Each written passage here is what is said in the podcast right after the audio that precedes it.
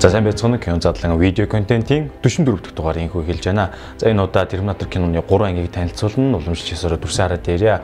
За Терминатор бол шинжлэх ухааны уран зөгнөлтийн төрлийн кино. Тэгээд 1984 оноос хойш өдөө хүртэл нийтдээ 6 зурвал кино гараад байгаа. За зурлалын эхний хоёр ангийг бол алдарт найруулагч Джеймс Кэмерон бүтээсэн. За тэгээд үүнээс хойш ангиудыг бол өөр өөр янз янзын найруулагч нар хийсэн. За хамгийн сүүлд нээлттэй хийсэн буюу 2019 онд гарсан Terminator Dark Fate бүтээлийг найруулагч Tim Miller хийсэн. За тэгээд энэ хүү анги дээр хүч нэмэн James Cameron найруулагч маань продюсерийн үргийг хийн орж ирсэн. Нийтдээ хийсэн энэ Terminator-ын тухай энэ 6 ангид бол 816 сая долларыг зарцуулсан. 2010 оны байдлаар нийтдээ цувралууд маань 3 тэрбум гаруй ам долларын ашиг болоод байна. За энэ удаагийн дугаараар бол 1984 онд хийгдсэн Terminator 1991 онд хийгдсэн Terminator Judgment Day За 2019 онд хийгдсэн Dark Fate гэсэн энэ гурван ангийг ярина. Учир юу гэхээр энэ гурван анги нь хоорондоо уялдаа холбоотой зохиолын үед одоо нэг нэгнээс хамааралтай хөө ийм байгаа. За харин дунд нь гарсан 2003 онд Terminator Rise of the Machines, за 2009 онд Terminator Salvation, за тэгээд 2015 он Terminator Genesis зэрэг цувралууд ангиуд хийгдсэн. Энэ гурван ангийг бол нэг ярихгүй. Ер нь бол энэ гурван ангийг бол Terminator-ын энэ цуврал хамбаг зэрэг хамааралгүй хэлчихэд болно. Өөр зөвхөлтэй. За Terminator киноны 3 болон 4 5 дугаар ангийн хувьд бол өөр өөр найруулагч өөр өөр кино баг хамт олон хийсэн. За тэгээд James Cameron найруулагчны ярилцлаган дээр хэлсэн байдаг.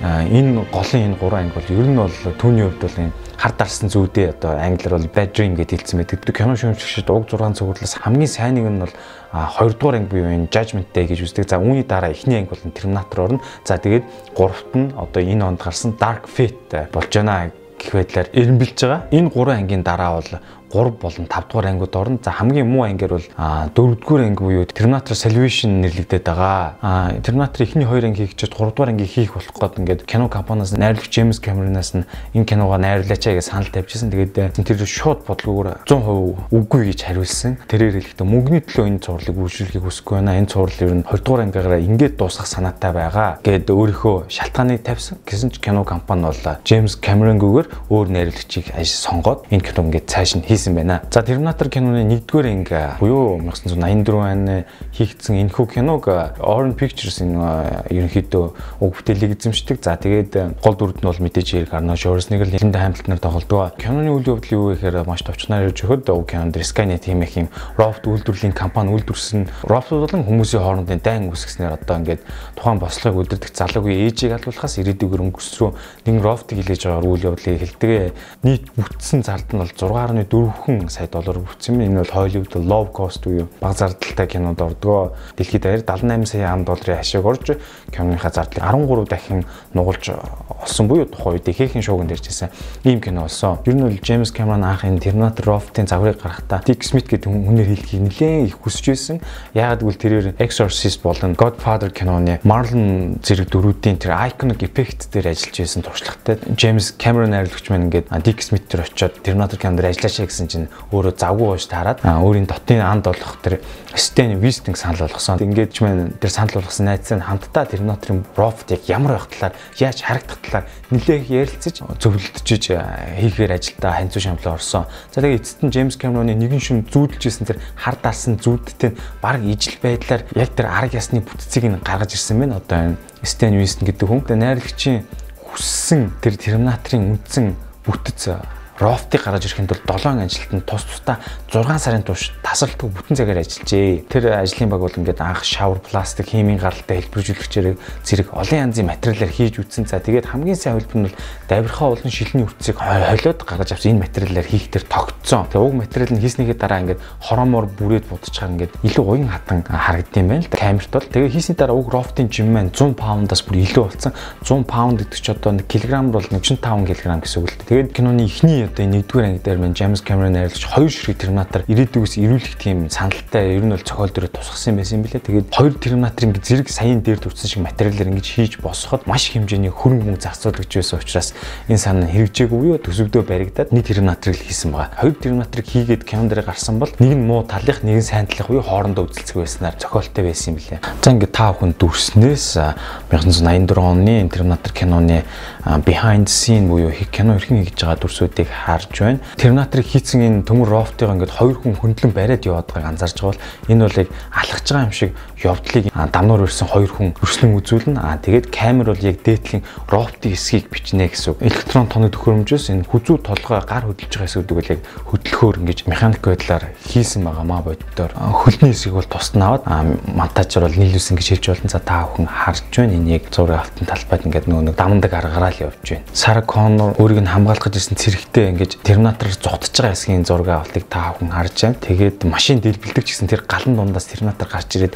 машиныхны капот үе хамар дээр өсрээд салдгүй яг үүнийг хийхэд бол яг галаас гарч ирж байгаа юм шиг жүжигчин Арнолдын биен дээр утаа май тавьж зарим тусгай эффектийг гаргаж байгаа. За мөн үргэлжлүүлээд машины уртлын салхины шилүү цонхыг гараараа хүчтэй цогж хагалж байгаа үзэгдэл гардаг. Үүнийг хэрхийсэн бэхээр яг өөрийнхөө бодит гараар цогоо оронд нь хиймэл буюу юм орлуулсан төмөр гараар араас нь ингэж механизмаар хүчтэй цогж энэ хүү дүрийг гаргасан байгаа. Яг жүжигчин мань өөрийн гараа бол ингэж өмссөн хөрвнийхээ араар ингэж нууцсан байгаа. Энэ зураг авалтыг хажуугаар нэм машин явж байгааг харж байгаа хаана атсан.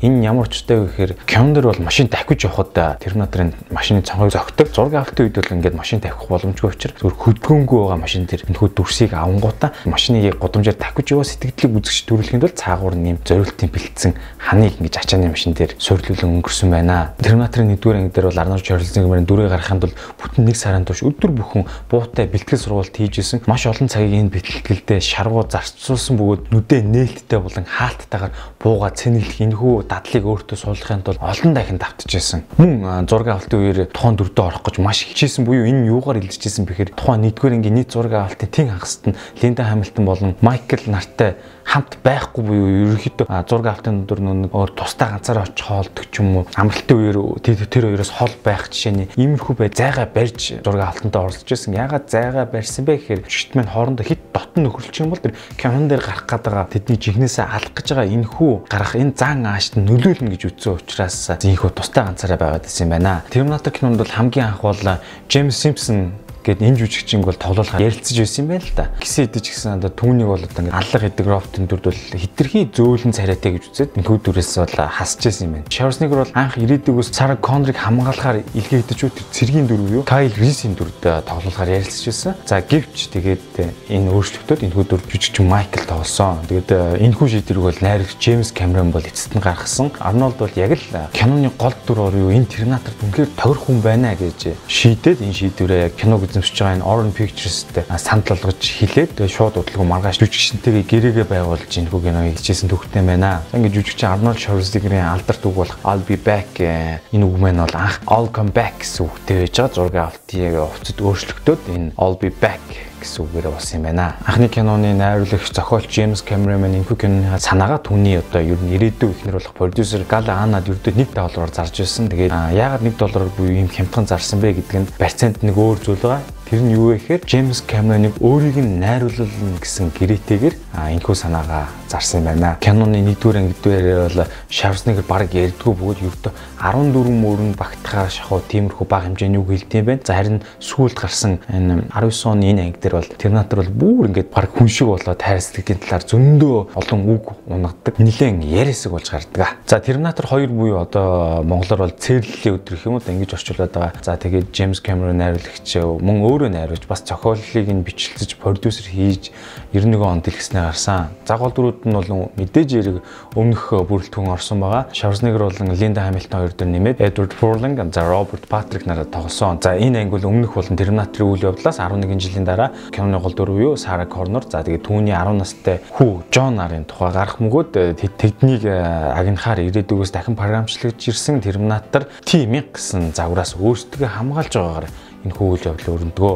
Ер нь бол ирээдүйд машинад хүн төрлөختнийг сөнөөх буюу тэрхүү цэвэрлэлийн өдрөөс урьдчилсан сэргийлгээр оролдож байгаагаар үйл явдал нэлээд цаашаа өрнө. Энэ хүү Терминатор киноны 20 дугаар анги маань төсөв бол нэлээд өссөн буюу 102 сая доллараар бүтээгдээд дэлхийд даяарны 523 сая долларын ашгийг олсон. Уг цувралын 6 кинондоос одоогийн байдлаар бол хамгийн өндөр ашиг олсон кинонд тооцогдож байгаа. Мөн тухайн он цаг үедээ бол одоогоос чинь баг 28 жилийн өмнө гэсэн үг шүү дээ. Дүрсний тусгай эффект үе нь хүний хөдөлгөөний компьютер графикаар дүрсэлсэн анхны хэрэглээ шахуус болж байсан. Үүнээс өмнө өөрөөс кинонд хэрэгжилждээс л да. Гэтэ интернет дээр илүү сайн ашигласан гэж яригдсан юм байна. Терминатор 2 маань одоо Оскар 6 төрлөөр нэр дэвшээд 4 төрөлтөнд шагналыг авсан ийм амжилттай бүтээл болж байжээ. За та бүхэн дүрснээс 1991 оны Judgment Day ангийн арын төрсүүдийг харж байна. Энэ дээр бол яг ингээд замын хажуудахын ус усдаг хонглыг бүгдийг зайчилж аваад түн дотроо энэ усыг нь хаагаад шуудуу тавьж байгаа энэ зураг авалтуудыг хийсэн харж байна. Энэ дээр бол томхон зураг авалтууд болдог. За мөн энэ металл хайлуулах үйлдвэр дотор боддоор зураг авалтыг хийсэн гэж байгаа. Энэ бол дотроо бол 43 Цельсийн халуунтай байсан бөгөөд зураг авалтын баг хийгээ жүжигчд бол нэлээд хүндрэлтэй байсан гэж ярьж байсан. Гисэн хэдий ч энэ хүү зураг авалтыг амжилттайгаар дуусгасан. А гэхдээ яг тэр нэг төмөр хайлуулсан тэр металлын зарим хэсгийг бол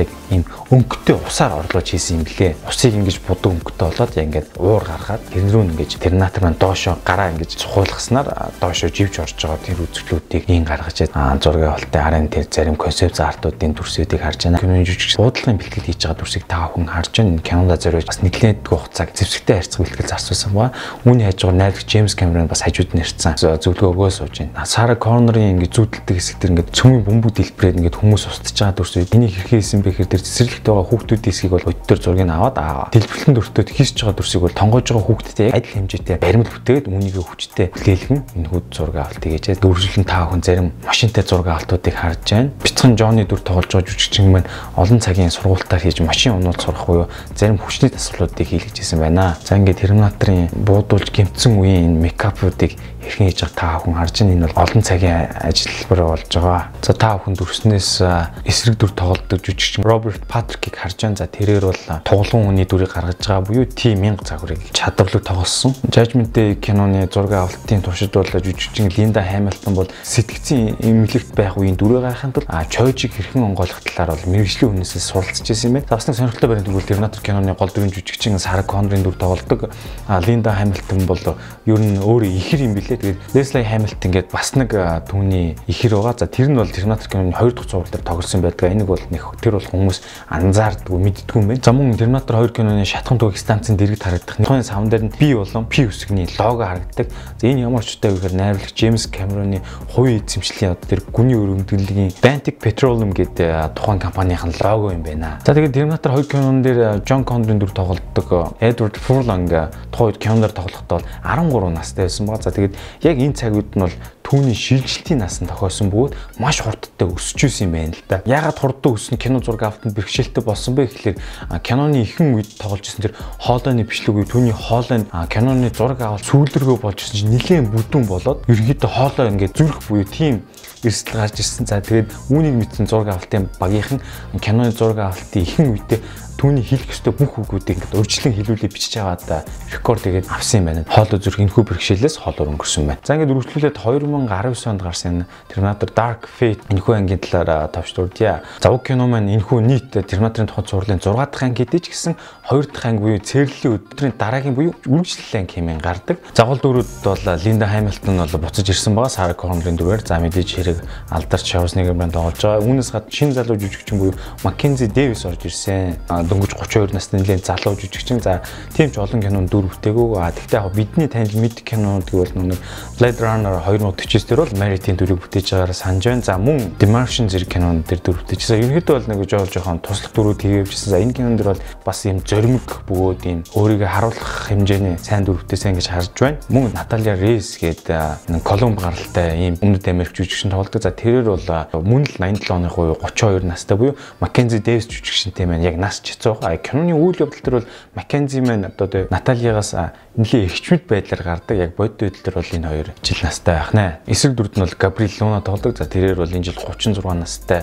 Техас төрсэн юм жижигч юм байгаа. Ер нь бол нэг баг зэрэг өмнөд Америкийн тийм дүр төрхтэй. Телевизэн цувралдаг бол бас шоронгийн сүрэл дээр бас нэг дугаарт нь тоглодог. Мөн Agent of the Shield дээр бас нэг хэсэг гараад өнгөрдөг. Олон танил киног бол одоо энэ сүүлийн Terminator Dark Fate байна. 128 минутын турш үргэлжлэх кино маань бол 185-аас 196 буюу бараг л 200 сая ам долларыг зарцуулан бүтсэн. А гэхдээ нэг асуудал гэвэл яг одоогийн байдлаар бол энэ зардлаа нөхөхөд тун хэцүүхэн байгаа. Орлого бол тийм ч хангалттай бус. За яг одоо дэлхийд дахнаас бол 202 сая ам долларын орлогыг цуглуулад байгаа юм байна. Тэгээ ер нь бол 450-аас 480 сая ам долларын ашиг олж яг балансаа барих уу зарлаа нөхөх юм тооцоод байгаа. Тэгэхээр энэ сүүлийн анги маань бол одоо ингээд ерөнхийдөө алдагдaltaй явж байна гэсэн үг. За тэгээ уг кинонд бол Paramount Pictures за 20 дугаар зуун Fox-оос гадна Tencent Pictures хэмээх компани хамтраад ирж байгаа. Энэ бол хятадын компани.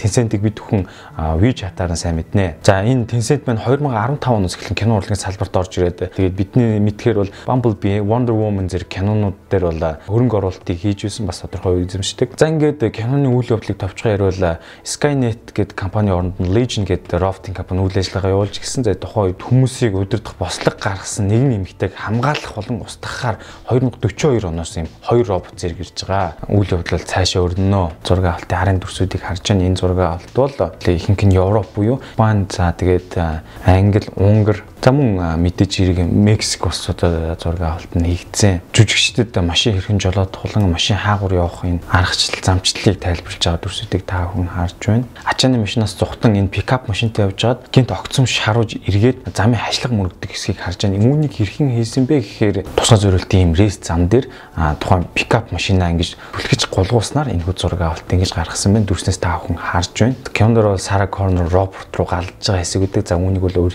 зураг авалт Ардад бол урьдчилан бэлдсэн цэгүүд рүү чиглүүлэн галж байгааг төрснөөс харж байгаа. За мөн тухайн роботугаа цэг дээр нь дэлбэлтийг бол зохиомлоор хийж байгаа. За эсрэг талын жүжигчин Габриэл Мэн зургийн авалтын өмнө суниаж өөрийн биеийг халааж байгааг та бүхэн харж байна. Түүний цаана бол киноны найруулагч Миллер бас давхар суниаж байна. Миллер найруулагчийг танихад юугаар намхан таньдаг гэвэл гаран дээрх шивээсээр нь таньдаг. Тэрээр хоёр гарандаа ийм шивээстэй. Америк нэгдсэн улсын хилийн албан стилэр хөлөглөн reviews хэмээх сүүлийн үеийн загвар роботос цухтдгаа тэр үзэгдлийг хэрэгсэн бэхээр боддоор нислэг хэрэгсэн сэтгэл хөдлөл зураг авалт хийхэд хэцүү болон кино зураг авахд эрсдэлтэй орчин үүснэ. Тийм учраас сенсиг нь авсан нислэгний 50-ыг дээрээс нь каранаар өргөөд яг нислэг иргэн суугаад явж байгаа юм шиг зургийн авалтыг хийжээ. Нэмэлтээ дээр нь ийм үлээдэг сэнсүүдийг тавьсан байна. Энэ бол яг нислэг иргэний их салхилтыг орлуулж гаргаж байгаа. Найруулагч Тим Миллерийг та бүхэн Deadpool киногоор сайн мэднэ. Мөн Netflix дээр гарч байгаа Love Death Robot гэсэн энэ хүү 18 ангитай цуврал анимашнернаас тань бүтэлийн продюсер буюу анх санаачлал хийсэн хүн билээ. За тэгээд 90 хонд энэ цувралын хоёр дахь сизон гарахаар дуулдж байсан. Ачааны машин шахагдж байгаа хэсгийг бол студ дотор цэнхэр фон дээр авсан байгаа. Жүжигчт маань энэ бол царайныхаа хувирлаар бол энэ жүжиглэлтийг гаргаж байгаа. Машинаараа давхиж яхад нь энэ жүжигчин Маккензи бол энэ машины кавинаас арын твшрүү 80 милийн хурд хурдтай явж байгаа машинаас маш зоригтойгоор өсөрж байгаа дүрс гардаг. Үүнийг бол бод зураг авалт нь бол машин яваагүй стил зогсож яхад нь дүрсийг авсан байгаа. Харин тэр машин явж байгаа хэсгийн дугуйг бол компьютер графикаар орлож хийсэн гэж хэлээ. Найруулагч хэлсэн. Хойшоо твшрүү өсөрж байгаа хэсгийг бол Маккензи жүжигчин биш түүний орлон тоглогч гүйцэтгсэн байгаа. Энэ арматурын төмрийг барьж явж байгаа төөж явж байгаа робот руугаа жад болгон шиддэг хэсгүүдийг та хүн санаж байгаа.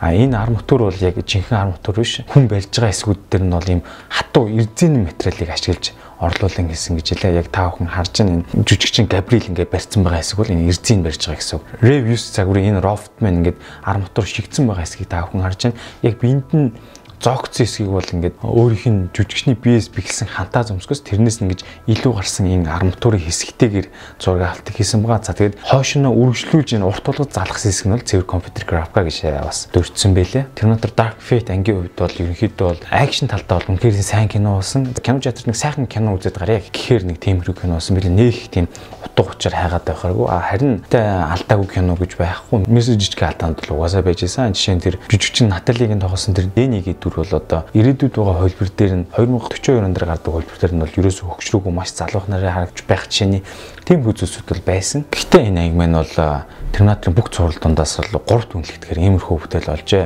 За киноны гол дүрийн жүжигчин болох Арнольд Шварценеггерийн талаараа та бүхэнд товч ярья. За тэгэхээр манай нэр ингээд 1947 онд төрсэн буюу өдгөө энэ жил одоо 72 настай Ахмад жүжигчин байна. Тэрээр бол одоо кино уран бүтээлч, зохиолч, цагдаа, бизнесмен, бодвилдингийн дасгалжуулагч, улс төр мэрэгчлээ гэх мэт олон зүйлийг амжуулдаг байна. За Шавснегрийн аав бол цэргэн хүн байсан бүгд дэлхийн 2 дугаар дандаа оролцож байсан. Тийм учраас түүний гэр бүл ихэнх хатуу хүмүүжлэн төссөн гэж өөрөө бол ярьж ирсэн мөлий. Түүний гэр бүл католик шашинтай. За тэгээд бямб гариг бүр цөмрөө залбирахаар явдаг. Гэр бүл дотроо бол түүний аав нь Main Heart гэдэг том хүүдээ илүү сайн байсан талаар Шавснегэр өөрөө ярьж ирсэн. Тэгээд Шавснегэр өөрөө бас хэлж ирсэн. Түүний аав нь бол бас өөрийнх нь жинхэнэ хүүхэд энэ гэдэгт бас баг зэрэг үүсгдэг юм билээ л дээ. Гисэн хэдэж түүний ээжийг насан эцэлт нь маш сайхан хайрлсан тул би аавдаа гомддгүй гэж ярьслага бас байдаг юм лээ.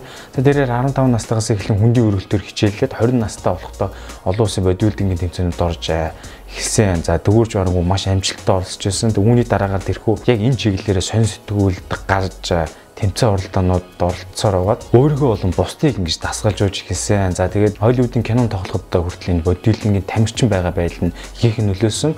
1975 он хүртэл дэлхийд дээрх хамгийн том бодибилдингийн тэмцээн болох Мистер Олимпиад тэрээр 6 удаа төрүүлсэн. За тэгээд үүнийхээ дараа тэрээр спортоос зодог тайлж байгаагаа зарлсан хэдий ч дахиад 1980 оны Мистер Олимпиад ороод үүндээ төрүүлчихсэн. За тэгээд үүний дараагаас яг жинхнээсээ бодибилдингийн спортоос 100% зодог тайлсан байна. Кино урлагийн салбарт 1969 онд Hercules-ийн New York гэсэн кинонд Hercules-ийн дүрийг бүтээж анх хөл тавьжсэн. За тэрээр хэлэхдээ бол кино урлагт бол хөл тавь бол нэлээд хэцүүхэн байсан. Учир нь найруулагч кино багийнхан бүгд л одоо түүний биеийг нь хараад хайр гаргийн хүн харж байгаа мэт тиймэрхүү сонирн байдлаар харьцдаг байсан. За тэгээд түүний ярианых нь англи хэлний хаялга нь хиндрхийн инээдтэй гэж нэлээд их шоолдог байсан төдийгүй бас түүний нэрийг нь бүр хитрхи урт байна үнэн шүүмжилдэг байсан. Одоо Арнольд Шварценеггер гээд ямар урт нэртэй юм бэ л гэж баг зэрэг гойчилдаг байсан талаараа тэр дурдж байсан. За тэгээд Арнольд Шварценеггерийн хамгийн анхны амжилт болсон кино бол 1982 онд дэлгэснээр гарч ирсэн Conan the Barbarian гэдэг энэ кино юм байна. За үүний дараагаар одоогийн бид бүхний мэдэх алдар Терминатор кинонд 1984 онд тоглосон. Энэ кино тоглосноос хойш бол тэрээр бол од болон гялцгай эхлэн тавигдаж нэлээдгүй олон кинонд гол дүрийг бүтээсэн. Тэгээ яг Терминатор кино шиг ийм ашиг орлого нэр хүндийг авчирсан кино бол Арнольд Шварценеггер доор хараахан байхгүй байгаа. 2003 он хүртэл тэрээр кино урлагтаа эрчимтэйгээр ажиллаж байгаад улс төрийн карьер хийсэн. Энэ хугацаанд бол тэрээр 2 удаа дахин сонгогдож Калифорни мужийн амбун захирагчийг хийсэн. Нийт 8 жил хийсэн. За мөн 2013 онд Америк нэгдсэн улс ерөнхийлөгчийн сонгуульд нэр дэвших магадлалтай юм яригджсэн гэсэн ч Америк нэгдсэн улс төрөөгүй гэдэг шалтгаанаар энэ ерөнхийлөгчийн сунгаараас төлзүүлж үлдсэн юм байна. Улс төрийн карьерийн дараа тэрээр кино урлагт дахин ирсэн Терминатор киноны үлдсэн хэнгүүд болон бусад кинонууд тоглосон. Арнольд Шварценеггер маань ингээд 30 нас хүрэхтэй аль хэдийн тэрбумтан болсон бөгөөд маш олон төрлийн хувийн бизнестэй. За түүнд бас нэг хэцүү зүйл байдаг. Тэрээр бол төрөхтөөл ингээд Bioscope Arctic Valve буюу одоо энэ гол судасны 3 хавхлагын нэг нь дутуу юм байна л да. Энэ бол төрөлхийн хөгжлийн гажиг гэж яригддаг. За тэгээд 1987 онд уг өвчнөөсөө болоод тагалгаанд орж исэн. Яагаад вэ гэхээр ингээд идэвхтэй дасгал сургууль хөдөлгөөн хийх үед түүний зүрхний өвчин маш ихээр зовоодог. 2008 онд бол бас энэ өвчнөөсөө болоод яаралтай эмнэлэг түрэгдэж байсан тохиолдол байт юм байна. Кино зураг авалтын үеэр болон бодибилдингийн дасгал сургуулийн үеэр бол маш олон удаагийн гэмтэл бэртэл авч ирсэн. Үүнээс гадна тэгээд гэр бүлийн тааламжгүй байдал, эцэгтэйгээ муу харилцаатай, эрүүл мэндийн асуудал, гэмтэл бэртэл мөн дээрээс нь санхүүгийн гачигдaltaй байсан. Хэдий ч гэсэн тэр цаг хугацааг бууж үлгүүгээр даван тууснаар өдгөө ингээд санхүүгийн хараад дэлхийд даяар алдар нэрээ гаргасан ийм томоохон жүжигчин болж чадсан. Ер нь бол Арнольд Шварценеггерийн намтрыг бол тусад нь бичих бол нэлээд урт юм болно. Бас миний амьдрал гээд Арнольд Шварценеггийн тийм ном хэвлэгдсэн байдаг. Монгол төр ч гэсэн гарсан байдаг. Тэн дээр бол маш гоё сонирхолтой зүйлсүүд дурддагддаг. За энэ дугаарыг базад эцэст нь найруулагч Джеймс Камероны хэлсэн үгээр төгсгөө гэж бодож байна. Яасан бэ гэхээр нэгэн сэтгүүлч найруулагчаас ингэж асуусан байна л да. Үнэхээр ингээд техникүүд хүний эсрэг ингээд ирээдүйд толдох болов яах бол гэж асуусан чинь Камерон найруулагч ингэж хариулсан байгаа. Иргэн төрнө хараад үзээ. Хүн бүрл гар утсандаа бүх бүхнээл зориулж хамаг цагаал түн зарцуулж байна. Аа тэгэхээр энэ юу гэсэн үг гэхээр техник технологи бол аль хэдийн ялчсан гэхдээ арай өөр замаар юм а гэж хэлжсэн үгээр энэ дугаараа дуусгая. Ингээд кино задлан видео контентын 44 дугаарыг энэ түгэд өндөрлж байна. Дараагийн дугаар хүртэл баяртай.